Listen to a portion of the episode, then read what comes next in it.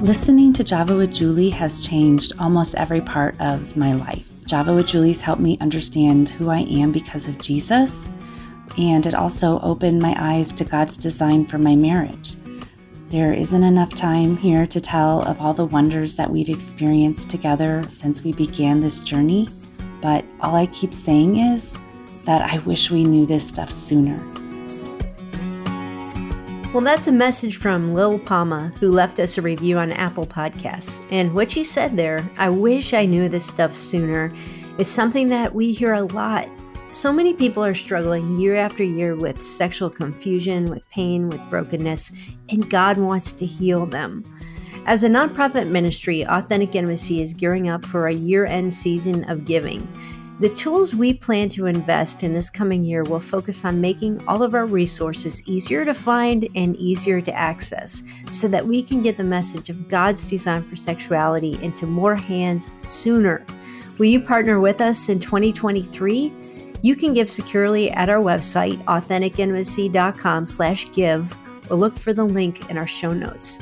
And thanks so much for being willing to partner with us as we help people reclaim God's design for sexuality.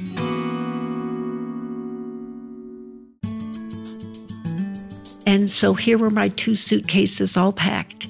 And so I came and sat down by them and did what any self respecting mom would do. I cried. Mm, yeah. And I cried a lot. Mm-hmm. So, yes, I've had to go back to calm my anxious heart. Mm-hmm. And I've had to go beyond calm my anxious heart. Well, if you're a longtime listener to Java with Julie, you're going to recognize that voice. But if you're new here, I'm so excited to introduce you to my friend, my mentor, and co founder of Authentic Intimacy, Linda Dillow. I'm Julie Slattery, and Java with Julie is a listener supported podcast and outreach of Authentic Intimacy, a ministry dedicated to reclaiming God's design for sexuality. Linda recently rewrote her powerful book, Calm My Anxious Heart A Woman's Guide to Finding Contentment and I asked her to sit down with me for this episode and share how God has been using that message of contentment in her life right now. You know, sometimes authors have to go back and be reminded of how to walk in the very same truths that God has called us to write about. I know I've experienced that. Sometimes I call that the boomerang effect. Linda's going to share very vulnerably from her own story today. I think you're going to be encouraged as you head into this Christmas season, which can bring its own share of sadness and anxiety. And speaking of Christmas, next week we're kicking off a series on gifts that go beyond Christmas morning. Now, these aren't the gifts that you get at the store, that can be way too easy. These are gifts that overflow from your heart and into your relationship as you build intimacy with God and spend time with Him. Hannah Nitz is going to join me, and we're going to help you cultivate gifts like seeing marriage and sex from God's perspective, bringing a heart that's free from shame and lies, and the ability to focus on what's good instead of dwelling on what's bad. Whether you're single or married, these conversations are going to have something for you. Follow Java with Julie in your podcast app today so that you don't miss any of these episodes. For now, let's head to the coffee shop with my friend, Linda Dillow. Linda Dillow. Julie Slattery. you haven't been on Java with Julie for a long time. And I've missed it, but I've mostly missed being with Julie oh, Slattery. I've missed being with you. And our listeners will know you because we often re air episodes that you are on because they're so great. Thank you for asking me to be on Java with Julie. I remember when we were recording the first ones. Do you really? I do. Up at Wisdom Tea House? Up at Wisdom Tea House. Mm-hmm. That was a long time ago. It was. Mm-hmm. Well, you wrote a book called Calm My Anxious Heart. How many years ago? Oh, Julie, I wrote it in 1997. That was a while ago. Yeah or 1998. I don't know. That's all right. You don't have to remember, but somewhere back then. Probably before some of the people listening were born. Mm. And it has blessed a whole lot of people, mostly women, but also men. Some men have read it and written yeah. to me. My husband's read it. I am sure he has. Yeah. Yeah. You, within the last couple years, re released it, just did some updates. Is that right? Mm-hmm. Yeah, Nav Press uh, put a beautiful new cover on it, and I wrote a new journal to go with it. Mm-hmm. I love the cover of it. Mm-hmm. It's really beautiful. Yeah, it is. We're looking at it right now. well, I feel like not only have you re released this book, but God has also kind of revisited, how do I say this, the message of it in your own life. I think that's a very true statement. Mm. Yeah because yeah. the last few years have been very, very difficult years for mm-hmm. me. Mm-hmm. I think probably everybody listening would think, well, they've been difficult for everyone. We've had a pandemic. Mm-hmm. And uh, while the pandemic was going for everyone, my husband and I had a personal pandemic in our family. And that was because two of our daughters had very serious cancer. Mm-hmm.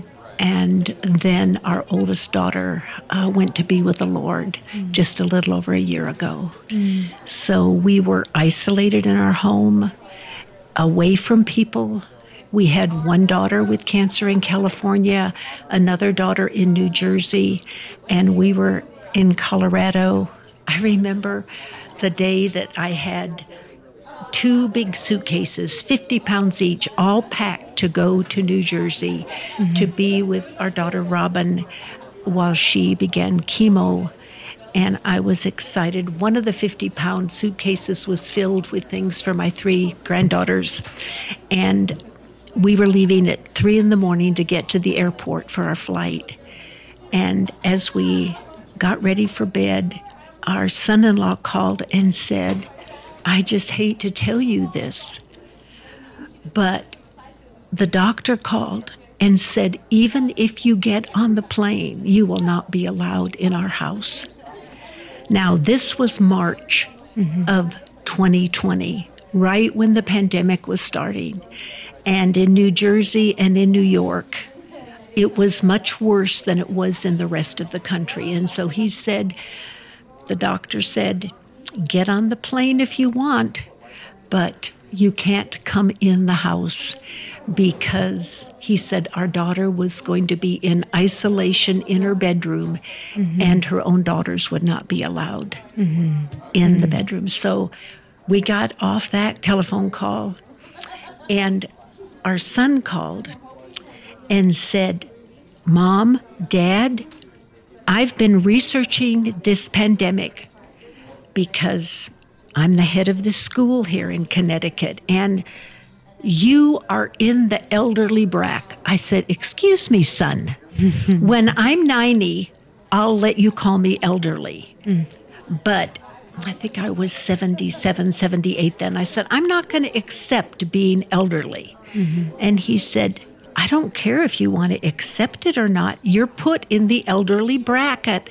And they say this disease, this virus that is coming, is going to be the worst for you, and the results for you are going to be the worst. So please don't get on that plane tomorrow. I'm begging you, don't get on that plane. Mm-hmm. I don't want you to do this. So not only was he calling us elderly, he was now telling us what to do and what not to do. Mm. And so here were my two suitcases all packed. And so I came and sat down by them and did what any self respecting mom would do. I cried. Mm. Yeah. And I cried a lot mm-hmm. because my daughter was going through chemo and I couldn't even see her. Mm. That feels very helpless. I felt very helpless. Mm-hmm. And we never got to go see her. And she reacted to chemo, ended up being taken by ambulance to Sloan Kettering Hospital in New York City. Mm-hmm. And um, we were never able to be there. So it feels very helpless. Mm.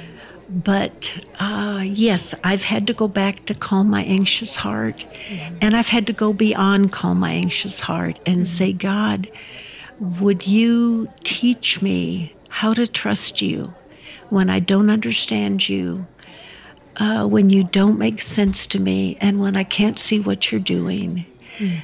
I'd ask him that when I wrote Calm My Anxious Heart, I think everyone listening has asked him that. We've all asked him that, haven't we, Julie? Yeah. But I was asking him big time. Both my daughters ate only organic food. They were as healthy as anybody in America could ever be. And yet, here they were both extremely mm-hmm. ill. My daughter Joy in California was diagnosed a year after my daughter in New Jersey with and she died really 3 months after she was diagnosed mm. with liver cancer.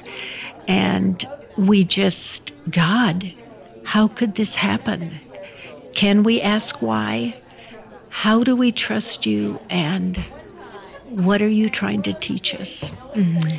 and Julie I've had time to think about a lot of these things and process them. And one way I've done that is God's given me an opportunity in the last weeks to teach some of the things that God has been teaching me to the women in Ukraine as they are living through a war. Mm-hmm. And these are women who are leaders of other women in Bible studies in Ukraine. Let me ask you how did you get connected to these women in Ukraine, particularly with everything that's going on there? Well, my husband Jody and I were missionaries in Eastern Europe and Russia and in Ukraine for many years under communism. And the ministry that we founded there has a women's ministry in Ukraine. An amazing woman, Peggy Hanley in Texas, went to Ukraine four times a year for many years and asked pastors to give her women to train. Mm-hmm. And these women are the results of that ministry. And there's a Ukrainian woman in charge of it now. Mm-hmm. And she has 50 or 60 leaders. And these are the women that I'm teaching. Mm-hmm. Some of them are now outside of the country, but most of them are still in the country. And I begin emailing with the leader of these leaders at the beginning of the war. And technology is hard for me, but it's also interesting because Olga, the leader of these leaders, doesn't speak English. So I write her in English and Google Translator translates it into Ukrainian and mm. she reads my email. And then she writes me back in Ukrainian, and Google Translator translates it from Ukrainian into English and sends it to me. Huh. And then, wild. then I know. Yeah. And you would think that it would be very awkwardly translated, but it's not. Mm. And so I happened to say to her as I was just emailing her every week and praying for her that I was speaking at my church retreat and I was going to be sharing the book of Habakkuk with the women. And she wrote and said, Linda, would you be willing to teach the book of Habakkuk to the women here in Ukraine, to these leaders? Because I think it would be an encouragement to them in the middle of this war. Mm-hmm. So I started out with them with a few other things. And one of them is something that kind of comes out of Calm My Anxious Heart, but goes a little bit further, and I call it my declaration of hope. Because this is what I needed when my daughters had cancer. When pain just pours over us, when we're in the middle of a trial or a hardship, and there is so much pain that we can't see straight. If we don't align ourselves with God, we are going to spiral down. And I didn't want to spiral down. I wanted to trust God. And so I said to him, I want to stand with you and I want to align myself with you, God. And so I am going to declare to you what I'm calling my declaration of hope.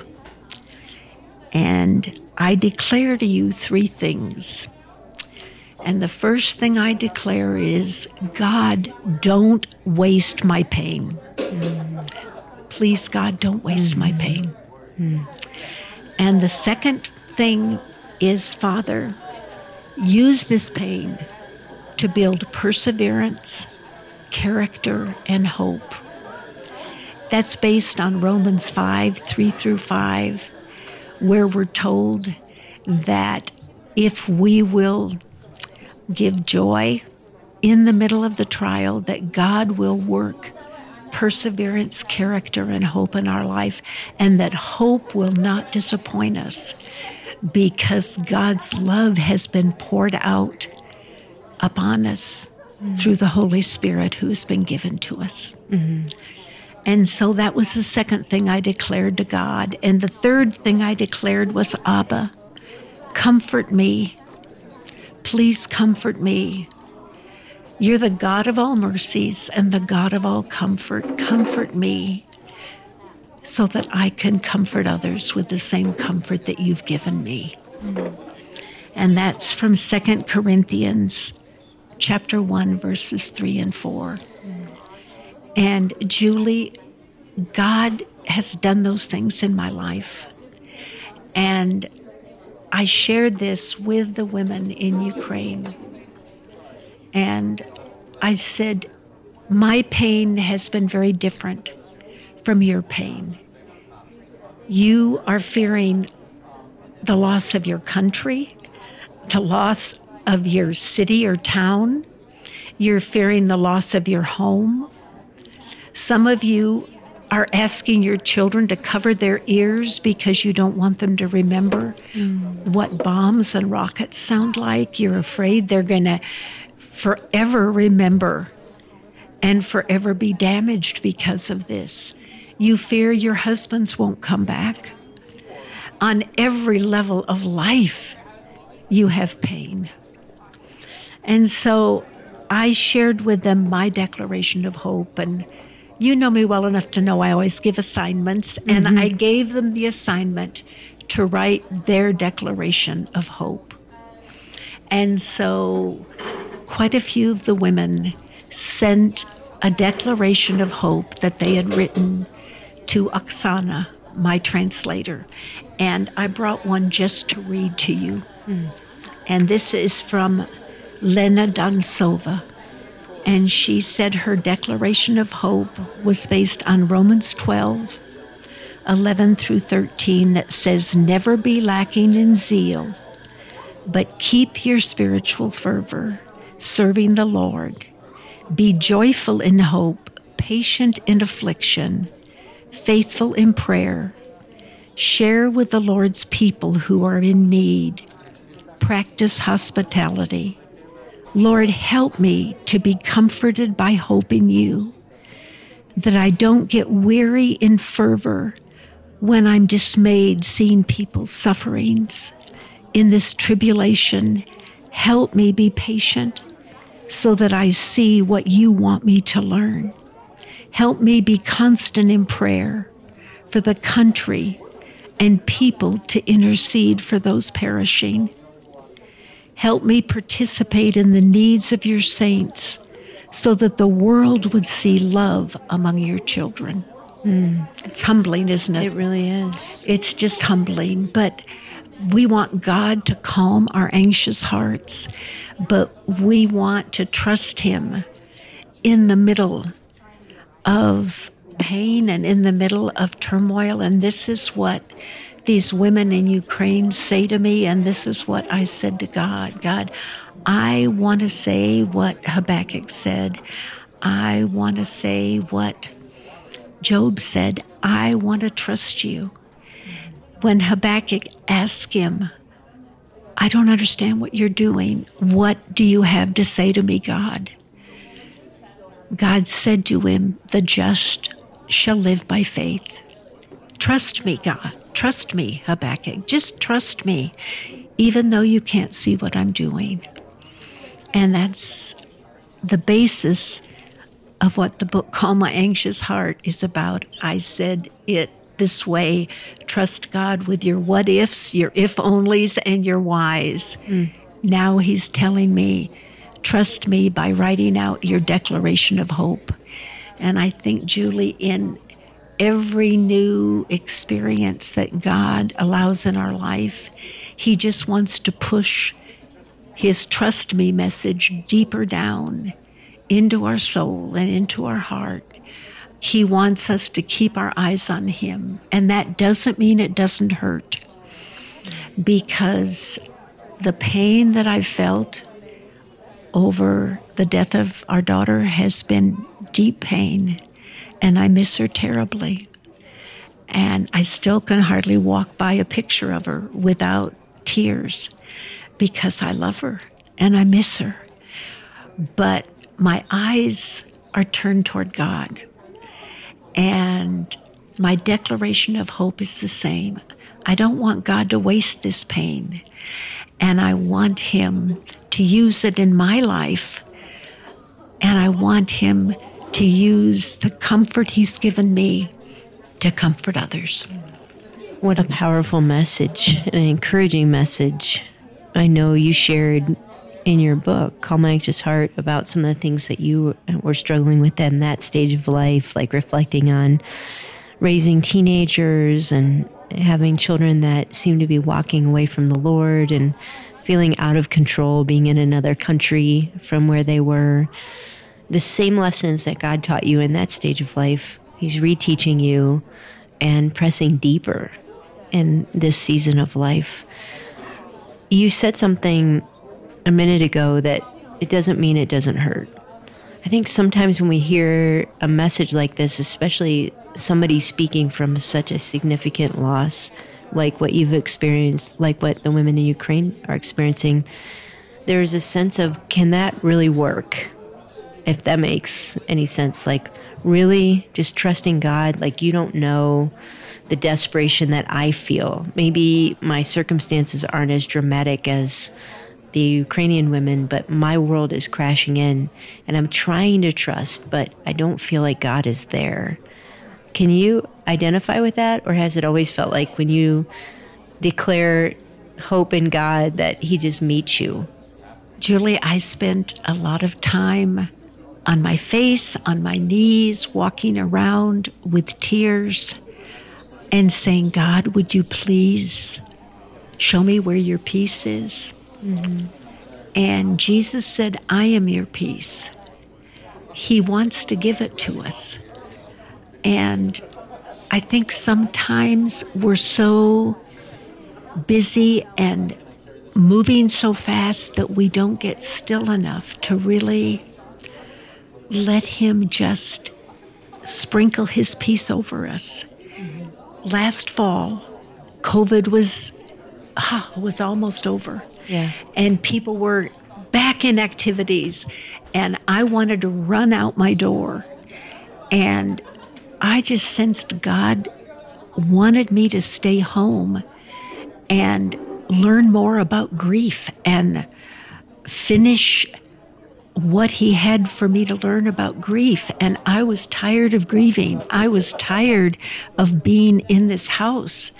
And yet, by being still, I found his peace. And I would encourage anybody who feels like God doesn't care just to get on their knees and open their hands and say, Jesus, you said, I am your peace. I don't seem to be able to find your peace. Would you please come and be my peace? Because he wants to be your peace in the middle of your pain. Ask him. He is your peace. And he said that he wants to give you a peace that will guard your heart and mind. And the reason you need your heart guarded is that we're women and our hearts just go, they go berserk. And our minds do with all the what ifs and the if onlys. I love how in the Word of God, He's so specific about His peace. He'll guard our hearts and minds with His peace. His peace is a practical peace. As you interact with the women in Ukraine, I love that declaration of hope from the woman that you shared. What are the questions that they're asking? I'm sure it's not an easy thing just to say, oh, I'm going to put my hope in God. Let me write this down. Like, there has to be some gut wrenching questions. I'm sure there's already tremendous loss. What are they asking you? How do I know if I'm supposed to leave the country? Mm. How do I know if it's right if I leave or if I stay? My husband says I should leave, but I feel that I should stay. Mm-hmm.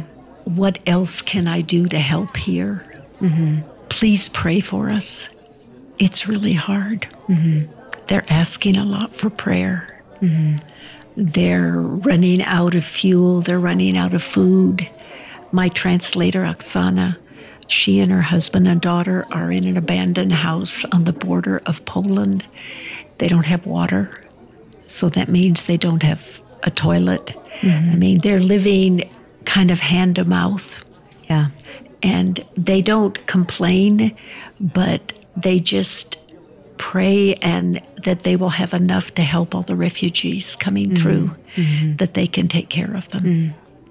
It's been a very humbling thing, Julie, because they take Calm My Anxious Heart and they go down in the cellars where people are when the bombs come and they read it out loud to people in Ukrainian. Wow. And uh, who would have ever thought when I wrote this simple book that they would be reading it in the cellars to people who were fearing for their lives? Mm. And they said they take it out where the soldiers are on duty and they sit, they take them food and they sit there and they read to them. Mm. You know, it's really interesting when you ask me that question, they ask more for prayer that they'll know how to help everybody. Wow. Just prayer after prayer. We need more food so that we can help people. They send a picture of the church, and it's just filled with mattresses where people sleep mm. that are coming through who've lost their homes. And, you know, the things that you don't ever think about a family traveling with a handicapped, very handicapped 25 year old son. And the woman that wrote me said, I was so happy because I was able to give a small room in our home alone to this mother and father and 25 year old, very handicapped son. And the mother of this son just wept because they had not had a place alone to care for their son. Mm. So they really have this giving mentality that has just caused me to have to get on my knees and say, God, how can I give? What a lot, can I do? A lot of what you teach in Calm My Anxious Heart, well, you had just come from ministering overseas for many years. And while you're teaching these lessons about resting in God, trusting in God, contentment, you share stories from women in Romania and other places in communist countries and how their commitment to the Lord, their thankfulness for the things they have, their devotion to their marriage through great difficulty. Like, I remember reading the book for the first time and just feeling selfish. Honest, yeah, ashamed. Self, yeah. Honestly, ashamed is what came to my mind of, oh God, look at the things that I've complained about and the things that I worry about and here are these women in such different circumstances that have a completely different perspective and attitude. And Linda, as you talk about uh, these men and women in Ukraine, I have that same feeling, just almost like wanting to hide under the table of feeling so convicted about the way I view my life. That's the way I feel every Thursday when I'm on Zoom with these precious women because their attitude humbles me and makes mm-hmm. me say, God, give me such a spirit mm-hmm. as they have. And when people say to me, What motivated you to write My Anxious Heart? I say, It's because I was taught about contentment by the women in Eastern Europe and Russia and Ukraine mm-hmm. because mm-hmm. they had so little and they were living under communism. And yet they had a joy that no one else in the country had because they had Christ. Mm. As Americans, I find that we can complain about just about anything, mm-hmm. and yet we have so much. Mm-hmm. As you are receiving that message on Thursdays when you meet with these women, it is humbling. It does put things in perspective, but yet it doesn't take away from your real suffering, from the real pain of having lost your daughter, of other trials that you face. How do you hold those things in tension? I told them, I said, my pain is different from yours, but my pain has been excruciating, just as your pain has been excruciating. And all pain hurts, mm-hmm. even though pain can be very different. And someone listening, Julie, may have excruciating pain because their husband is addicted to pornography. That pain is excruciating. Mm-hmm. Or they've lost a job. That's excruciating. And pain just hurts. Mm-hmm. And trusting God is hard. Mm. We want to learn to trust Him because I read in my Bible, it says, without faith, it is impossible to please God. And we want to please Him and honor Him. So, how do we get to a place of really saying, I want to be like Habakkuk. I want to trust you when I can't understand what's going on. Mm-hmm. And if you'd asked me how I want my life ordered, I would have given some suggestions mm-hmm. and I would have asked you to do it differently. Mm-hmm. And God didn't ask me, and he, he didn't ask the women in Ukraine, and probably He hasn't asked any of the men or women who are listening today. Mm-hmm. Yeah. One thing that strikes me is, Linda, I know you. I know that you've spent many years seeking the presence of God, prioritizing worship, really saying that he is my king and he's my beloved. I learned a lot of that from you. I also know that the women that you're ministering to are leaders, and so they are not caught unaware. They've been spending time nurturing their dependence on God.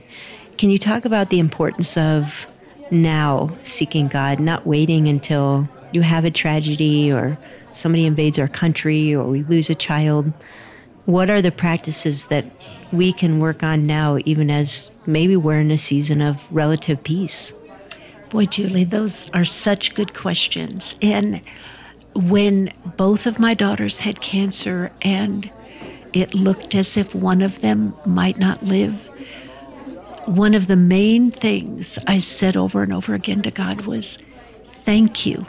Thank you that I know the scriptures. Thank you for the last 21 years that I've read through the Bible every mm-hmm. year. Mm-hmm.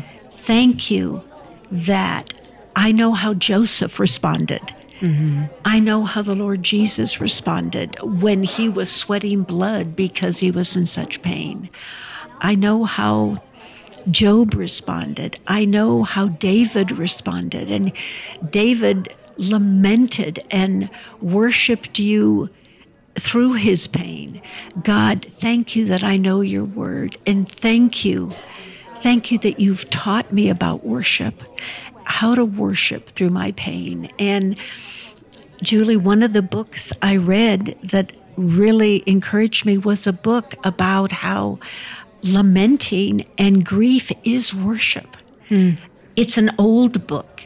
And it's called A Sacred Sorrow Reaching Out to God in the Lost Language of Lament by Michael Card, and the forewords by Eugene Peterson. And Julie, you and I have learned a lot about worship together and really getting on our knees and loving God by worshiping Him. But God took me deeper through this book, of Sacred Sorrow, just learning that grief and lament is also worship. And David, mm-hmm. David knew that. Mm. And so many of the Psalms and uh, some of Job, and but particularly the Psalms, teach us that. So anybody that feels that could encourage them, I encourage you to get mm. this book. When you say that grief and lament are a form of worship, are they always a form of worship, or do we choose to worship through them? we choose to worship through them. Mm. I think David did that. If you look at the Psalms, many of them, he is why, God? Why? Where are you? And I don't understand you.